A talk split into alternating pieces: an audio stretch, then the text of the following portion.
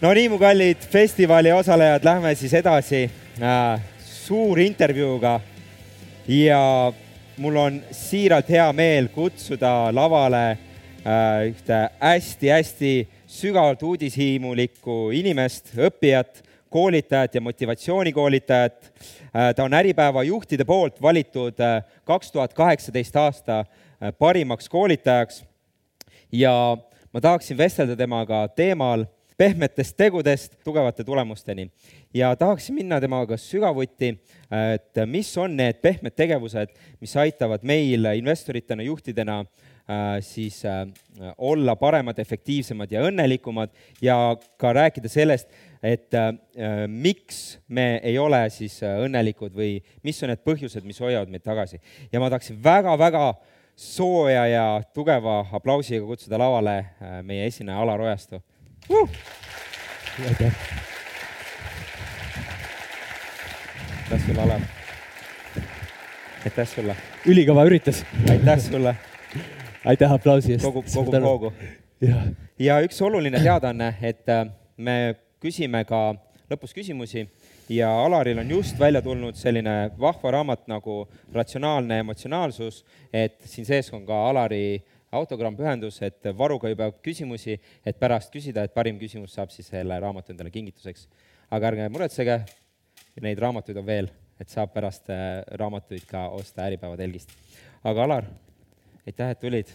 aitäh, et sa kutsusid. tead, äh, me oleme sind kutsunud nüüd kolm aastat siia ja ma olen põnevusega ootanud seda hetke, kuna sa tuled ja saad jagada oma kogemusi koolitajana, äh, sellise hästi uudishimuliku õppijana kõike, mida sa oled oma elus õppinud ja, ja sa hästi palju oled, ma olen kuulanud su podcast'e ja podcast idest sa oled rääkinud siis oma raamatust ja oled rääkinud juhtimisest, kuidas olla efektiivsem, kuidas olla parem, miks võiks olla juhtimine parem. ja, ja mul jääb kõlama seal selline ühine nimetaja, et on justkui olemas mingisugune, mingisugune viis või mingisugune mõttemuster Äh, mis äh, võimaldab sul olla nagu parem inimene või parem ja ma tahaksin tegelikult selle intervjuu käigus minna natukene sinna nende intervjuude taha, mis sa oled muidu andnud, nagu natukene sügavuti ja rääkida sellest, et mis on need põhjused, miks inimesed võib-olla ei ole nii õnnelikud ja ja, ja kuidas siis tegelikult meie siin investoritena saaksime oma elu paremaks muuta, mis sa arvad sellest? ma arvan, see on põnev. jaa, hakkame pihta või? hakkame pihta mind isiklikult teeb ärevaks see kakskümmend minutit, mis meil on, eks ju, et siis, kui küsimustele aega ei jää, sest ma ei kujuta ette, kes seda jääb, sest aeg läheb ruttu, siis meil on, mul on üks teine idee ka, kuidas seda raamatut välja loosida. kas kellelgi on äh, telefoninumber, lõpeb äh, tähtedega, numbritega kaheksa ja neli? üks inimene, ma arvan siis oh,, kaks, oh siis me peame, siis ma mõtlen järgmise nipi, kuidas, kumb, kumb selle raamatu saaks sinna juurde. aga um, su küsimus oli, et, et mis on kõige selle taga ja, ja, ja miks on inimesed õnnetud ja, ja miks, kuidas, kuidas saaks paremini? minu jaoks on, kes, kes on siin aast-, kõik need kolm aastat, mis Tõnis ütles, et, et, et on siin mind siia kutsunud, kes on isiklikult siin käinud kohapeal, ole hea, tõsta veel korra käsi. et ja tõsta siis ka korra käsi, kui sulle tundub, et olles Tõnist jälginud kõrvalt, siis Tõnis inimesena ja mehena lisaks sellele, et habe teeb ta veelgi ilusamaks, kui ta muidu on, kes on tähele pannud, et Tõnisesse on tekkinud juurde sügavust ja, ja ta on kasvanud mehena sisemiselt, tõsta korra käsi. aitäh, aitäh. ja seda näen mina ka ja ma usun, et äh, see on hästi oluline äh, punkt, eks ju, et miski sind drive ib arenema, miski drive'is sind ka mind siia kutsuma ja, ja ma arvan, et kusagil tasandil sul peab olema olnud endaga sitt olla, sest äh, nii nagu mul on endal hakanud tekkima tunne, siis isiksuse areng algab alati pihta eitusest. ja mida ma sellega silmas pean, et, et me jõuame selleni, et me hakkame üldse tundma huvi lisaks välisele reaalsusele, kuhu hulka jääb näiteks lähisuhe või minu füüsiline keha või, või minu investeeringute portfelle, et me üldse hakkaks huvituma sellest tegelasest siin mina ja küsima niisuguseid küsimusi, nagu sa mult küsisid, siis peab olema selleks põhjus. ja, ja, ja üldiselt see põhjus peab olema, et sul miski ei toimi. ehk me hakkame tervislikult toituma mitte üldiselt ennetavalt, vaid üldiselt alles siis, kui mingi jama on. ehk enamasti kõik käib läbi, see on see eituse printsiip, et miski peab mitte toimima, et ma üldse tahaks nagu vaadata üle, kas on mingi teistsugune vastus. Seega minu teekonnal samamoodi taustal on pidevalt olnud miski, mis ei toimi, mis on minu sellel teekonnal saatnud ja see eelkõige minu enda õnnetuse tunne ma pikalt nagu rääkisin Eesti õnnest ja eestlaste õnnetusest ja, ja selle taustal oli omakorda noh, teadvustamata aastaid, et tegelikult ma olen ise jube õnnetu ja, et, et, et, et miks siis ma olen nii õnnetu. ja siis ma sattusin äh, aastaid-aastaid oli üks oluline raamat minu elus, mis paljudele, kellele ma sellest raamatust olen rääkinud, isiklikult see raamat ei meeldi, selle nimi on Stephen Covey raamat Väga efektiivse inimese seitse harjumust, oled sa lugenud seda? ma olen studeerinud paar korda. see on enamasti vastus, kõik nagu alustavad ja siis see raamat kuidagi ei toimi neile üldse aga, aga võib-olla see algus ongi kõige tähtsam, sest ega mul on sellest raamatust, see on seitse harjumust ja, ja see kõige viimane harjumus oli seitsmes, oli terita pliiatsid pidevalt, mis tähendab, ole pidevas arengus. aga kõige esimene harjumus oli nii-öelda nendel väga efektiivsetel inimestest, kelle, inimestel, kellest Kavi kirjutas, oli äh, alusta lõppeesmärki silmas pidades. ja võib-olla see vastus, mille ma sulle annan siin ja võib täita kogu selle aja ära, et selle taga ma tahaks nagu minna, nagu suure pildi panna sellel kokku, siis kuhu ma ise olen täna jõudnud niimoodi, et see kakskümmend minuti sisse see paigutada.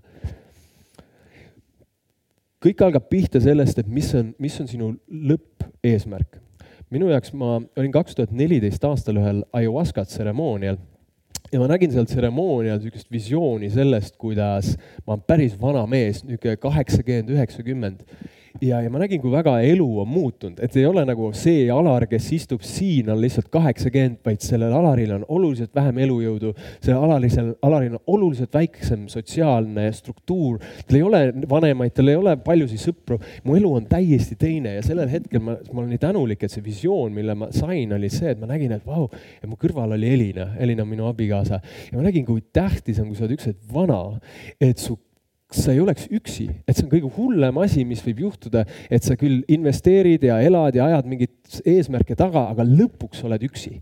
sest äh, mu ema käib, hooldab igapäevaselt ühte meie tänaval elavat naisterahvast, kes on üheksakümne viie aastane endine füsioterapeut ja tõesti tore inimene, aga, aga, ja tal on vana inimesena raha päris palju, et nagu elada hästi aga kõige kurvem on see, et on üksi. tal pole mitte ühtegi inimest, välja arvatud minu ema, kes on kuidagi hakanud võõrast inimest hooldama.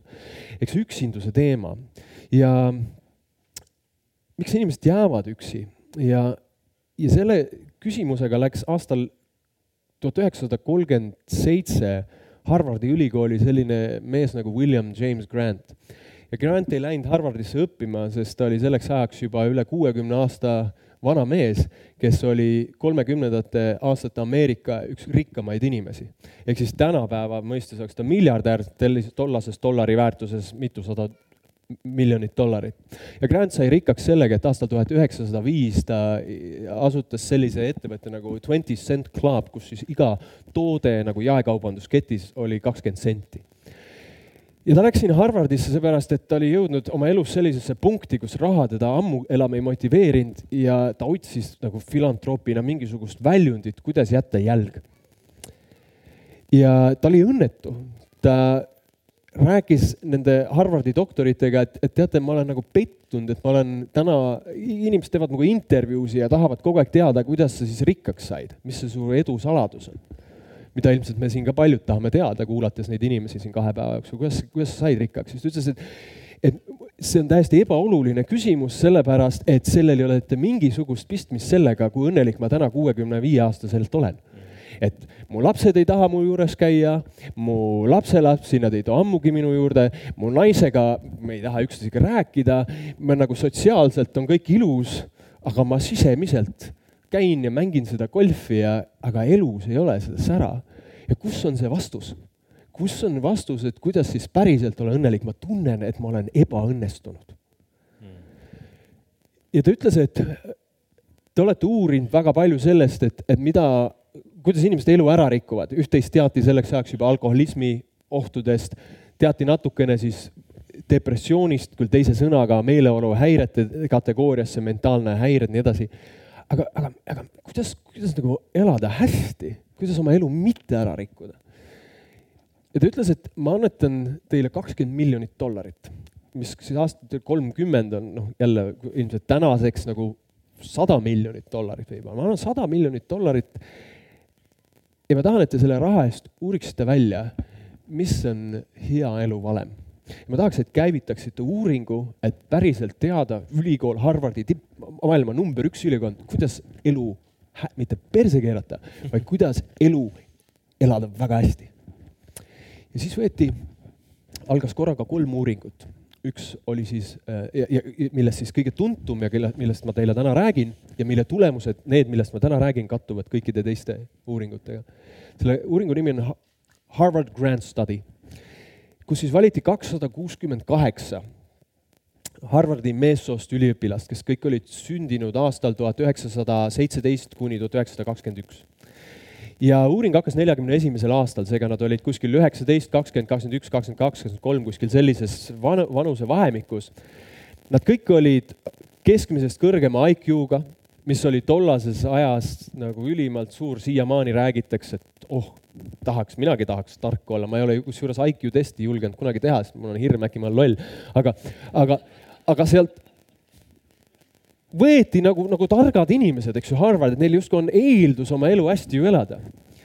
ja kakssada kuuskümmend kaheksa oli neid ja, ja, ja siis iga, neid kaardistati nendel meestel ära, paralleelselt lihtsalt ütlen, oli ka naistega sihuke uuring ja siis ka äh, inner city men ehk siis oli ka getodest ka sama suur hulk mehi ja siis nende meestega kaardistati ära kogu nende taust, nende lapsepõlv vanematega, vanavanematega, tädide-onudega intervjuud, võeti kõik füsioloogilised parameetrid, igasugused testid, mis iganes osati nagu teha.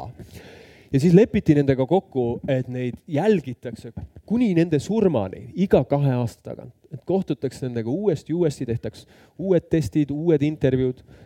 ja, ja nii see hakkas pihta siis tuli Teine maailmasõda, nad käisid Teises maailmasõjas, kõik jäid ellu, tulid tagasi, elu jätkus, abiellusid, läksid tööle, lõpetasid ülikooli äh,, karjäär hakkas, tehti iga aasta, nüüd iga kahe aasta tagant polnud ainult nendega intervjuu, vaid nüüd ka nende abikaasadega intervjuu. märkan, et sa naeratad, kõik on cool.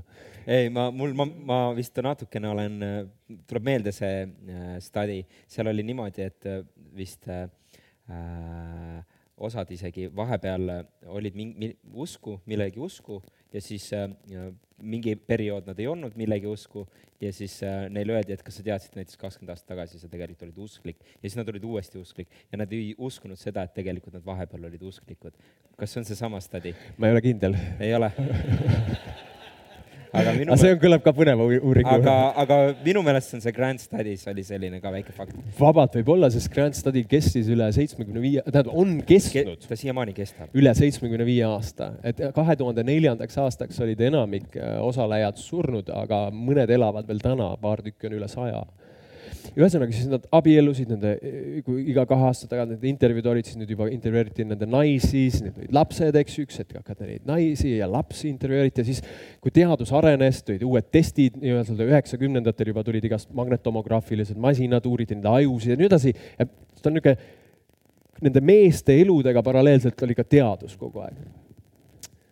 ja siis sellest uuringust on väljastatud siis kolm niisugust raportit, üks oli siis, kui need mehed olid neljakümne viie aastased, nelikümmend viis kuni viiskümmend.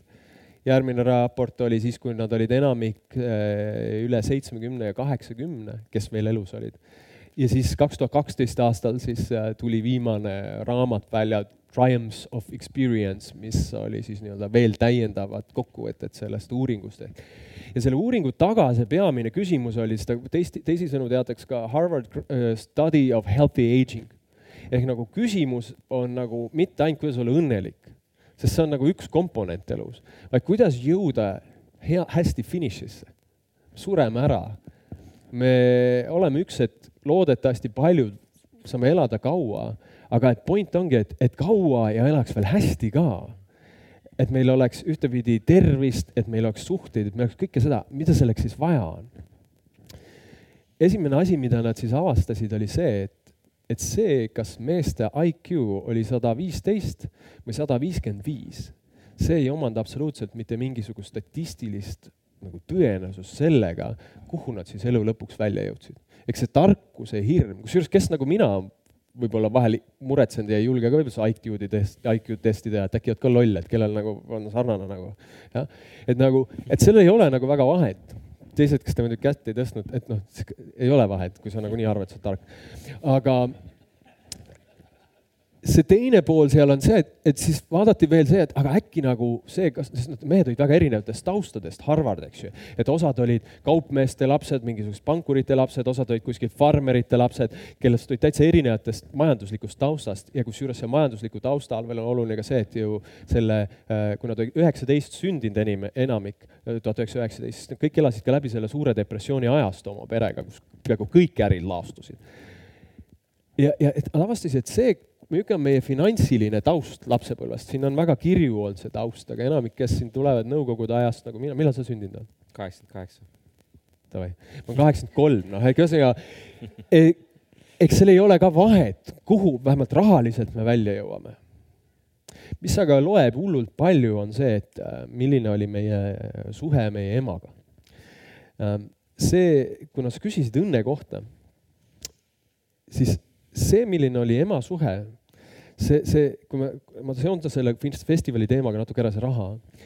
Need mehed, kellel oli kõige tugevam, ema suhe, suhte all on silmas peetud soojust, the warmth with a material relationship. et kellel oli kõige rohkem armastust ja soojus ema suhtes, need mehed teenisid keskmiselt teistega võrreldes oma elu nii-öelda tippperioodil, kui nad siis oletame, olid vanuselt nagu oma karjääri tipus. Nad teenisid kaheksakümmend seitse tuhat dollarit rohkem. jällegi dollari väärtus on kasvanud, see on suur nagu vahe. mis tähendab, et see, kui palju oli sul lapsepõlves armastust, määrab rohkem suure tõenäosusega sellest, kui hästi sa investeerima hakkad, kui see, kui tark sa oled või nutikas sa oled. järgmine asi, ema suhe määras ära selle, äh, kui suur tõenäosus on see, kas sa vanaduses oled dementne ehk ei suuda nagu meeles hoida, kus su mingid asjad on ja mis su telefoninumber või üldse, mis sa hommikul tegid või et sul läheb kõik meelest ära. dementsus on üks-ühele seotud lapsepõlve ema suhtega ja see teeb sind õnnetuks, see teeb teised inimesed õnnetuks. ja kolmandaks paljud on siin nagu nooremad, eks ju, ja mõned on, aga üks hetk me kõik, mina olen kolmkümmend kuus on kohe, üks hetk me oleme viiskümmend viis ja kuuskümmend, eks ju, me oleme selleks hetkeks omandanud terve hulk kogemusi, võib-olla meil on energiat, elujõudu vähem, aga samas tarkust võiks nagu nutikust olla ju selleks vanuseks rohkem. see, kui efektiivsed nad olid oma töös viiekümne viieselt kuni kuuekümnele oma elukarjääri tippperioodil, see sõltus ka ema suhtest ehk sellest, milline oli lapsepõlves armastuse hulk nüüd isa suhe oli ka oluline, minu ema suhe oli õnneks väga soe, aga mu isa suhe oli pigem, pigem raske. ja, ja, ja sealt, võib-olla sealt on ka vastus, et miks ma olen nii ärev. Et see äh, uuring näitas, et kui isa poolt ei olnud armastust lapsepõlves, vähemalt nagu nad ei tundnud seda, isa võis nagu armastada, aga võib-olla oli karm armastus, see mingi pedagoogiline suund tema peas. või, või ta oli lihtsalt ise liiga ärev, siis see, milline, kui armastus ei puudu, siis see põhjendab seda, miks inimesed tunnevad täiskasvanuna ärevust põhjendamatult ärevust samamoodi tuli, see on õnnetusega väga otseselt seotud, õnnetuse tundega, ma ei tunne ennast õnnelikult, kui ma olen ärev. Või, või, või see, et noh, ma olen nagu kaua nagu tundnud nagu mure selle üle, et, et mul on täna finantsiliselt võimalik puhata päris palju, noh, võtta endale. kas sa saaksid nagu, kuidas see seotud on, kust see tuleb nagu, et miks see nii on, et äh, just see ärevus, et kas see on nagu siis isapoolne tunnustusvajadus või? see? ma arvan, see on see täpselt, mille sa ütlesid, et see tunnustus, see on see, et inglise keeles on tagasi termin sense of self. et kas ma tunnen ennast iseendana, kindlana, sellena, kes ma olen, kas ma olen väärtuslik selle inimesena, kes ma olen ma arvan, see on nagu sellega tugevalt seotud. isa, isa pool just, just., et tõestust nagu, et ma tahan tõestada ennast isale ja, ja. ja isalt saada seda nagu positiivset tunnustust ja kuna ärevus on, eks ju, meeleseisund, taustal kogemus, siis on kurb, ma näen seda, et, et kuna ma selline puhkuste võimalusi on rohkem, aga ma võin puhata, aga ma ei puhka. ma olen ärev oma puhkustel, ma olen kogu aeg nagu, ma ei rahune maha ja see põhjendab, miks inimesed, kes ei suuda puhata täna, see võib olla lapsepõlve isa suhtega seotud. nüüd ja veel isa suhe mõjutab, mõjutab seda, et Müke, sa oled seitsmekümne viieselt, et kui suure tõenäosusega life satisfaction when you are seventy five, nüüd ma mõtlen, et ma olen täna närvihaige, ma olen kahekümneselt närviline ja fuck, kui ma olen seitsmekümne viieselt ka kogu aeg närviline, siis mu elu pekkis nagu, et selles suhtes, et, et, et see on nagu karm värk, eks ju, et sina, kes sa oled juba isa, siis you make a difference, you matter, noh, et, et nagu sa mõjutad nende inimeste elu rohkem. Ja kui need nagu lapsed siis, kellel oli soojust nii ema kui isa poolt, siis need viiskümmend viis meest sellest kahesaja kuuekümne kaheksast, kellel oli kõige rohkem nii ema kui isa poolt suhtlu-, soojust, võrdluses siis need mehed, kellel oli kolmkümmend üks meest, kellel oli kõige nagu ütleme, karmim lapsepõlv. Need teenis, teenisid oma elu tippperioodil äh, aastas keskmiselt sada nelikümmend kaheksa tuhat dollarit rohkem, mis on ääretult suur vahe. ainult statistiline korrelatsioon oli lapsepõlve soojuse hulk ja kolm korda suurem tõenäosus oli, et, et Ameerika kontekstis jõuda siis sinna, nii-öelda Ameerikas on siiamaani who's who, et kes on Ameerikas who, who, who's who. näiteks president Kennedy oli üks Harvard Grant Study inimesi, noh kindlalt somebody, eks ju, selles who's, who's sees. ja nüüd selle lapsepõlve, see asi jõuab selle õnneteemani läbi selle, et see lapsepõlv määrab ära selle, kuidas äh, kui ma ütlesin, ma kogen ärevust. see lapsepõlv määrab ära seda, kuidas ma äh, tulen toime stressiga. elu on paratamatult stressi täis. see olukord siin võib-olla on natuke stressirohke, esined avalikult. iga päev on mingid emailid, täna ma proovisin osta esimene, tähendab mingit interactive broker, siis proovin teha seda mingisugust kontot, et aktsiaid osta. kurat kuradi pabereid vaja saata, stress on ju. nüüd, kuidas ma selle nagu stressiga toime tulen ja seda stressi on nagu igal pool erinev stress ja nüüd selleks, kuidas see lapsepõlv olla, oli, see määrab ära siis, millised on nii-öelda ego kaitsemehhanismid. ja, ja egol on, igal inimesel ego on siis see sense of self, kuidas sa tunned ennast sellena, kes sa oled. ja, ja üldiselt me tahame tunda ennast nagu stressivabalt, see on kõigi nagu baassoov, selleks me tahame investeerida, me lõpuks saaks selle elu, kus me stressivaba ja nii edasi. nüüd huvitav on siin see, et, et et kui see lapsepõlv oli karm, siis inimesed kipuvad kasutama ebaterveid ego kaitsemehhanisme, näiteks paar tükki on see, et, et ma olen näinud neid enda puhul, et üks acting out on ebaterve ego kaitsemehhanism, acting out on see, nii kui ärevus tuleb, siis ütled kellelegi fuck raisk nagu, lähed närvi kellegi peale, näiteks sõidad autoga ja siis mingi auto sõidab aeglasemalt, kui ta peaks sinu meelest sõitma. No ma ei tea, kes on lasknud signaali närvihaige moodi, onju. mäletan Elinaga, oma abikaasaga sain tuttavaks, ta ütles, Alar, sa ei saa lasta signaali, sa oled Eesti tippkoolitaja siin, su maine, sa ei saa närvihaigena nagu lasta. siis ma ütlesin, oh thanks jah, nagu, et siis, aga nagu tahaks. ja mäletan, ükskord lasin politseile signaali, see ei lõppenud hästi ja eks see on nagu ebaterve kaitsemehhanism, eks ju või siis nagu teine ebaterve viis, kuidas oma ego nagu hoida stabiilsena, on siis passiivne agressiivsus. näiteks need, kes sõidavad noh, kaheksa sama politsei ilmselt kasutas ebatervet ego kaitsemehhanismi, et passiivset agressiivsust sõidab siis ühe maanteel kaheksakümne seitsmega, niimoodi mu ees on ju, sõidab ja niimoodi nagu sõidab seal. ehk siis niisuguse näoga, noh, proovi raisk mööda minna. aga see on muidu veel minu peas story, võib-olla tal ei olnud niisugust nagu nägemust seal. siis ma lasin signaali ja sõitsin mööda ja siis ta võttis mu kinni, aga aga aga, aga noh, see on nagu, see on ka ebaküps, et nagu ise oled rahulik omast arvates, aga ajad teisi närvi enda ümber.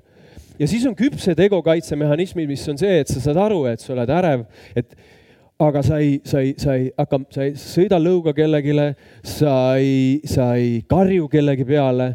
sa saad aru, et okei okay,, ma olen praegu närvis ja, ja oled, võtad selle vastu, okei okay,, ma olen närvis, kõik.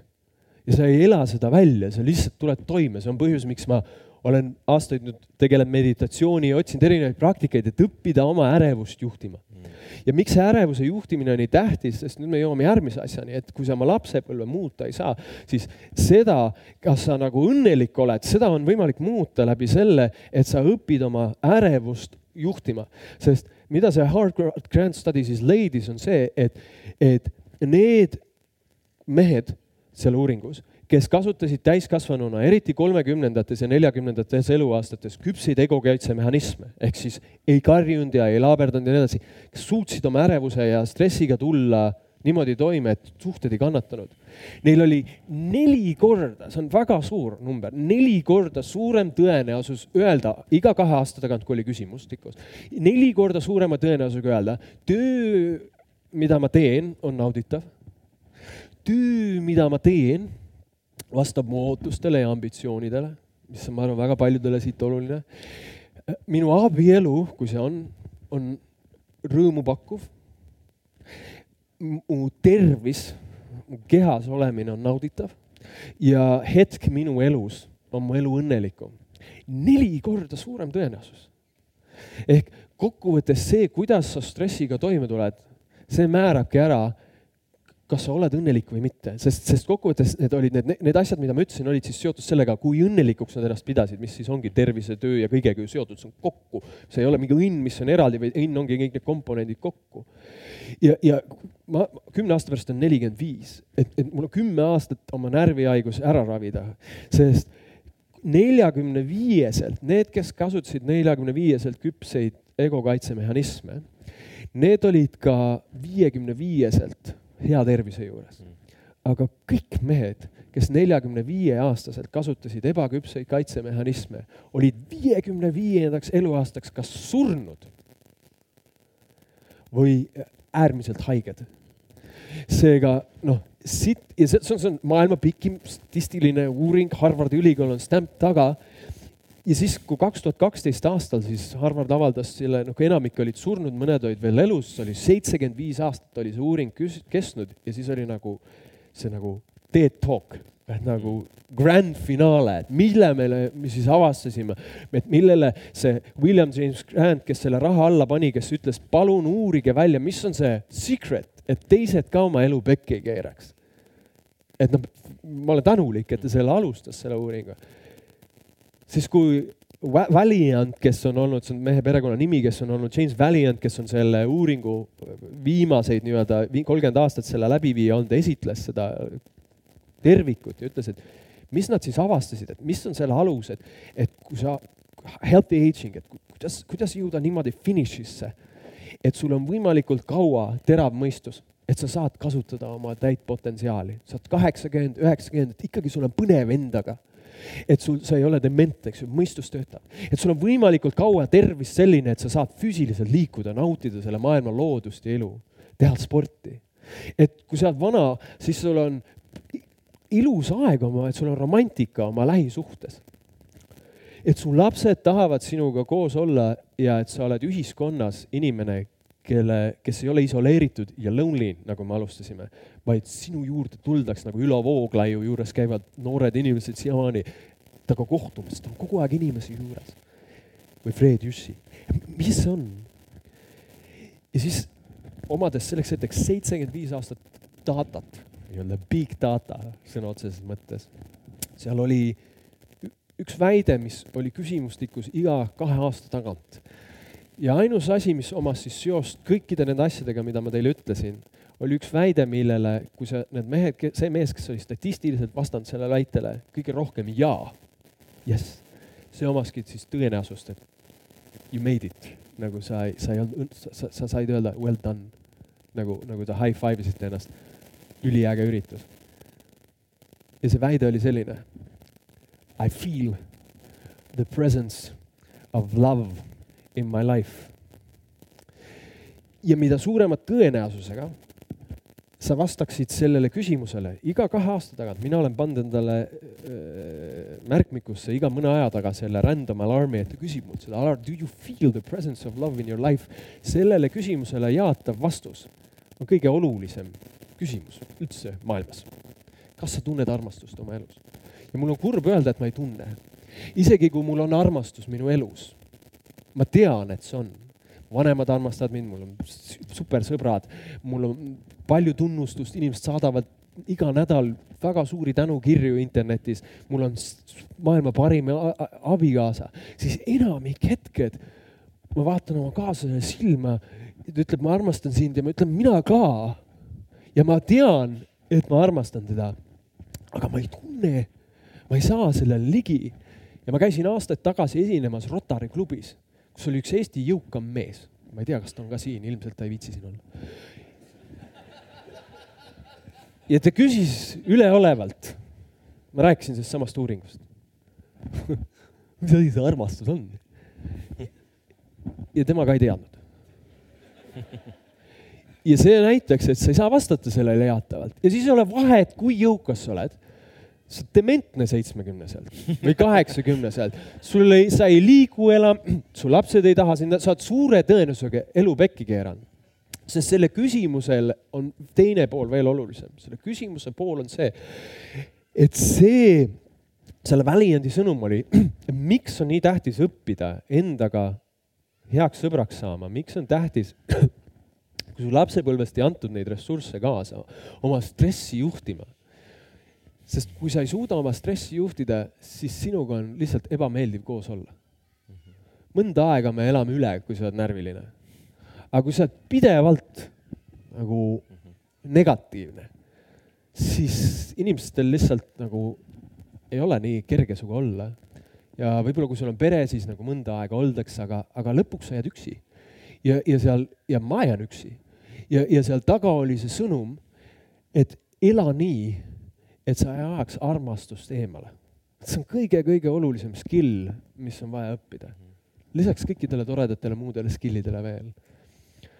ja see ongi nagu minu vastus sinu küsimusele, et miks me oleme õnnetud, et lapsepõlv mõjutab seda kõige rohkem. sul on, sul veab, kui sul nagu oli see armastus seal, siis tõesti nagu sul ei olegi põhjust väga tegeleda isiku arenguga, sest isiku areng hakkab eitusest. Why do it if it's already great? Aga samas, kui sul oli valus see lapsepõlv, siis võta seda kui kingitust, sest see on loonud sulle selle motiivi, et suurema tõenäosusega kui keegi teine, sa võtad ükskord peegli kätte ja küsid, miks ma olen selline.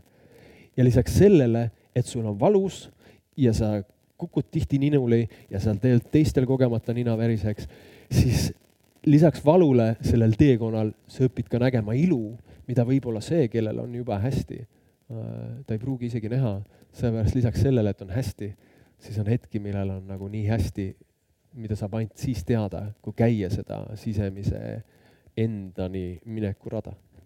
aitäh sulle, Alar. ma veel küsiksin sult, et äkki sa saaksid anda mõned äh, mõned viis või mõned, kasvõi mõnedki praktilised äh, harjutused või praktilised tegevused, kuidas me saame siis oma seda südameruumi või seda armastuse ruumi või siis seda tunnet enda sees kasvatada, et, et, et inimesed saaks siis selle kohta rohkem uurida ja, ja, ja, ja kes tundsid puudutatuna ennast siis siit, et siis äh, saaksid sellega edasi tegeleda hmm.? ma olen nagu hea, halb eeskuju, sest ma ütlesin, et, et ma ei tunne seda armastust. aga ma töötan selle nimel ja igal inimesel siin ruumis on täiesti unikaalne tee käia. ja, ja üks on kindel, et ei ole olemas. Üks on kindel, et ei ole olemas äh, ühte raamatut, mis teile kõigile oleks vajalik, äh, ei ole olemas ühte filmi ega ühte, ühte, ühte asja. aga, aga, aga üks asi on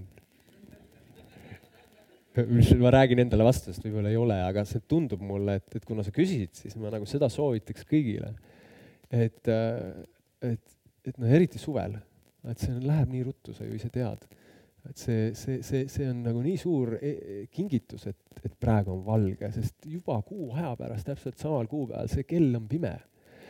ja, ja seda on nii lihtne äh, lasta mitte ainult suvel ja suvevalgusel mööduda kiiresti samamoodi on lihtne lasta mööduda kohtumisel sõbraga sellel kiiresti, lihtne on lasta mööduda oma abikaasa välimusel, oma laste väga spetsiifilises arenguetapil, lihtne on asjadel lasta mööduda hästi kiiresti.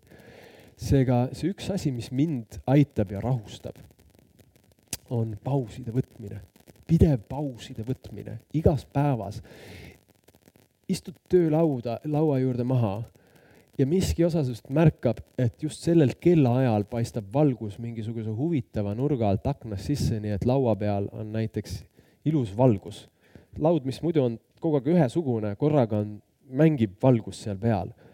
ja sa mingi osa sinust märkab seda, et võta endale, luba endale viis kuni kakskümmend sekundit, et vaadata seda, lihtsalt seda, mis sulle meeldib. ja visuaalne meel on ainult üks meeltest võib-olla sa kuuled mingit heli.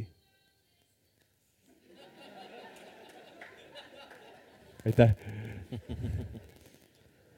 ja see heli tõesti nagu kõnetab sind, luba endal kuulata ennem kui sa jätkad. sa tunned head lõhna. nuusuta nagu seda kakskümmend sekundit nagu lihtsalt või, või, või, või, mingi, mingi tekstuur on jube nauditav. koge seda või maitse, too endale, eriti kui sa oled närvihaige, ma ei tea, kas on aeg äkki või? närvihaige nagu mina, luba endale neid hetki rahuks. sest see on kindel, et kui sa selle hetke võtad, siis kahekümne sekundi pärast, järgmine hetk ainult kahekümne sekundi pärast on pisut rohkem harmoonias, rohkem läheb õige sammu tempoga, kui see, et nagu kogu aeg oled selles kiirrütmis, et kas ma, kas ma sain nagu õigesti aru, et sa nagu teadlikult lihtsalt pidurdad ennast, et alguses nagu teadlikult ja siis, ja siis järjest hakkad nagu tajuma seda hetke ja nägema neid asju? alustas hommikul, et, et, et selle asemel, et äratus oli või, või tuled voodist välja, ei tule ennem voodist välja, kui oled nagu võtnud nagu hetke, oota, uus päev on, davai. kuidas ma tunnen ennast? Midagi võib-olla ei meeldi, aga kas mulle miski meeldib minu kogemuses praegu. sest vaata, kui sa, kõik on kogenud seda, et kui sa oled haige, siis see käib täiega närvidele. aga kui sa oled terve, siis sa kuidagi ekstra ei tähista selle üle. välja arvatud võib-olla see esimene hommik, kui sa oled terve. aga kui sa oled siis juba mõnda aega terve olnud, nagu te suvel olete olnud, siis, siis tõesti nagu oota, ärkasin. tundub, et midagi ju ei ole hästi. oota, aga, aga kui, ma ju mäletan võib-olla, kui halb on, kui on köha. Seda praegu ei ole rõõmusta ehk võta neid hetki, see on nagu noh, mida ma kõige rohkem soovitan, võta hetki. loomulikult ma räägin podcast ides ka erinevatest asjadest. ja siin raamatus ka mõnda asja. aitäh sulle. aga see raamat on kirjutatud rohkem äh, eelkõige ju, ju, Juht. juhtidele, inimestele, kes, kellel, kellel on ettevõte ja kellel on meeskond. aitäh sulle, Alar, aga võtame nüüd äh, veel küsimusi, seal kohe on küsimus, hästi kiire äh,. jah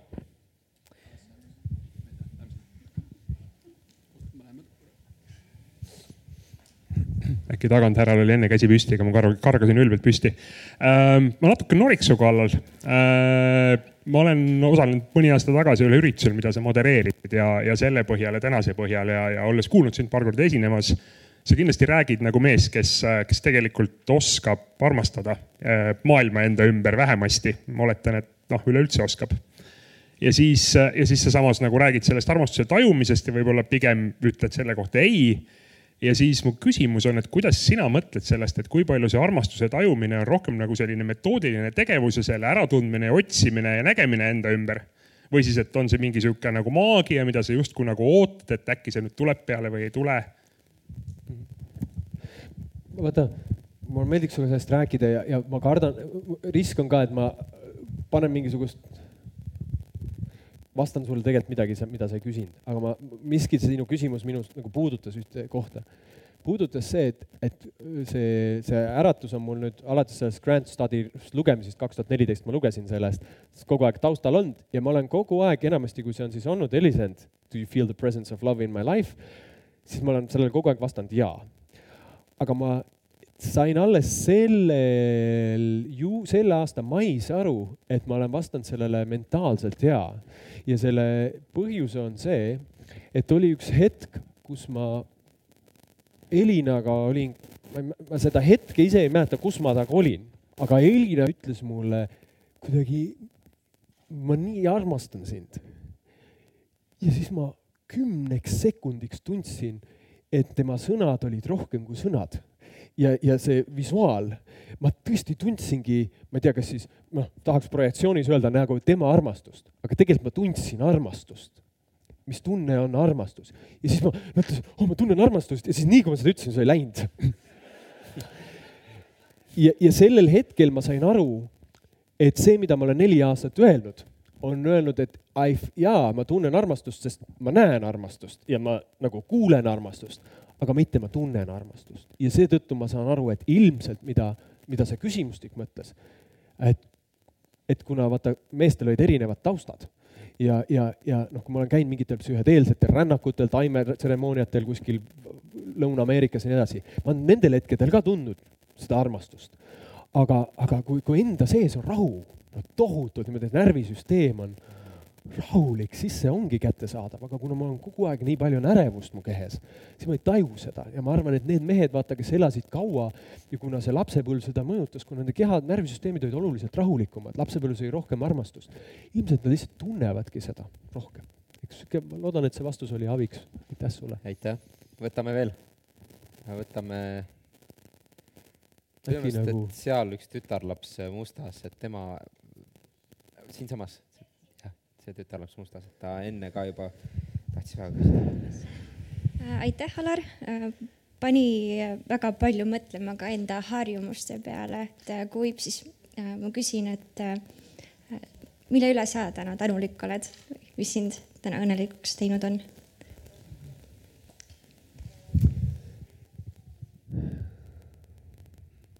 mind teeb hetkel tänulikuks, kui ma olen tasa, siis mitte see, et ma olen tasa, vaid see, ma korra veel kogen seda, siis ma saan sulle vastata. ma näiteks äh,, oota, anna mulle veel üks hetk.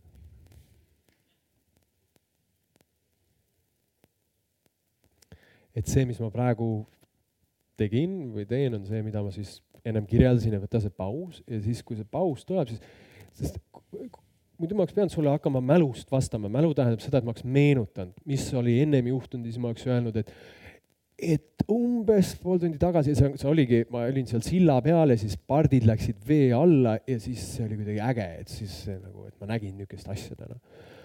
aga kui see paus võtta, siis ma hakkan märkama värve ja see pakub tohutut naudingut kui ma mõtlen praegu, kui ma räägin, siis need värvid lähevad jälle taustale, sest mu mõtlemine on nagu ramm minu ajus läheb, see võtab jube palju ruumi.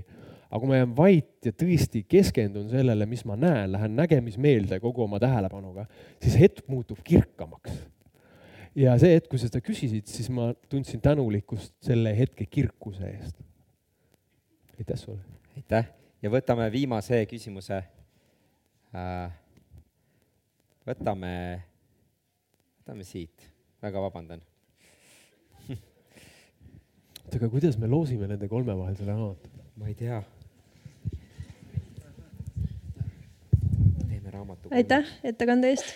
ma ise olen seda uuringut näinud Teet Alksi kaudu ja mul tekkis tegelikult mitu küsimust, et, et kas kogu aeg peab olema, olema õnnelik, et tegelikult äh, valu ja kannatus on see, mis panevad meid äh, edasi arenema ja samamoodi siis sellest, et kuidas laps siis äh, la, lapseeas areneb, et tegelikult see üldse ei ole nagu mingi konkreetne põhjus, et see on stress või ärevus või mingi närvilisus. Et see on võib-olla see, et, et äh, kuidas lapsevanemad tegelevad lapsega, et kuidas ta üleüldiselt suudab oma probleemidega hakkama saada. ja võib-olla siis vanemas eas me peaksime nagu suutma aru saada, et, et kas me oleme ainult väliselt tugevad, et me suudame oma nõrkusi tunnistada endale või me reaalselt nagu tunnistame oma, oma nõrkusi ja selle, läbi selle siis oleme tugevad ma nüüd ei tea, kas mul otseselt küsimusi oli siin et ma tahtsin võib-olla natukene noh, selles suhtes, et vastu vaielda, et, et kas me peame kogu aeg olema õnnelikud? Ma ei tea, no mul nagu meeldiks olla õnnelikum. jah, et lihtsalt võib-olla, et, et see selliste negatiivsete emotsioonidega hakkama saamine on võib-olla isegi suurem väärtus kui see, et, et kogu aeg püüda olla õnnelik. ma lihtsalt olen oma elus tähele pannud seda, et äh, et kui, sest vaata see õnneseisund selles küsimustikus, mis Harvardis oli, oli defineeritud läbi nende tööalane tegevus on nauditav, suhe on äge, kõik tervis on hea, mul on, ma naudin oma puhkusi, ma oskan puhata. minu jaoks pigem on küsimus sellest, et kui väga ma suudan lihtsalt nagu nautida nendel hetkedel, kui on põhjust ja võimalust nautida, kas ma suudan ka nautida või mitte. siin teiega koos olles, see on nii äge festival, siin on kõik põhjused loodud, et tunda ennast hästi. Aga mina seisan seal lava või seal, äh, ootan siia lavale tulemist, küsin oma sõbralt Rainilt, kes tuleb kohe siia peale mind, kuidas sa tunned, oh jumala rahulik on olla, siis mina nagu juba pool päeva olnud ärev. ehk selles suhtes ma eelistan neid päevi, sest mul on ka mõned päevad üksikud, kus ma ei ole ärev. Ja mu elukvaliteet on lihtsalt nii palju suurem. Ma suudan olla vaimukam, ma suudan märgata rohkem ilu, ma naudin elus olemist oluliselt rohkem kui nendel lõpututel tundidel, milles ma kogu aeg siis proovin manageerida oma negatiivsust või stressi või õppida oma vigadest, mis lihtsalt väsitab. aitäh, et sa küsisid. aitäh ja ma saan aru, Allar, et see on väga ebaõiglane kuidagi niimoodi nüüd siis valida välja nendest kõikidest headest küsimustest kõige parem küsimus. siis äh, ma teeksin, ma teeksin niimoodi, et ma, ma omalt poolt annaks siin kõikidele kolmele küsijale äh, raamatut juurde või siis äh, anname selle sinu poolt ja siis ma ostan sult kaks raamatut juurde ja siis annan neile. Davai, ülikool. Need on kõik autogrammiga pluss väikse personaalse lausega. ja need inimesed, kes tahtsid väga küsida, aga ei jõudnud äh, küsida, siis äh, homme on avatud Äripäeva raamatuklubi ja siis äh, minge kindlasti ostke sealt äh, Alari raamat, Alari raamat on seal müügis, seal on Alari al- autogramm sees ja Alar on täna ka siin. ära kindlasti osta seda, osta ainult siis, kui sind huvitab. Just. Sorry, ma segasin. mingi selline, see on, ei, ei, ei olnud taotlus äh, väga suurt müüki teha. et äh, lihtsalt äh, Alar, ma, ma jätan selle raamatu praegu siia. Alar, ma südamest tänan, see oli täpselt see, mida mina vajasin, ma loodan, et ka see, mida äh, kõik osalejad vajasid, just seda tahtsingi sinuga, sel teemal tahtsingi sinuga arutada. see oli niivõrd oluline. aitäh sulle, mees. aitäh.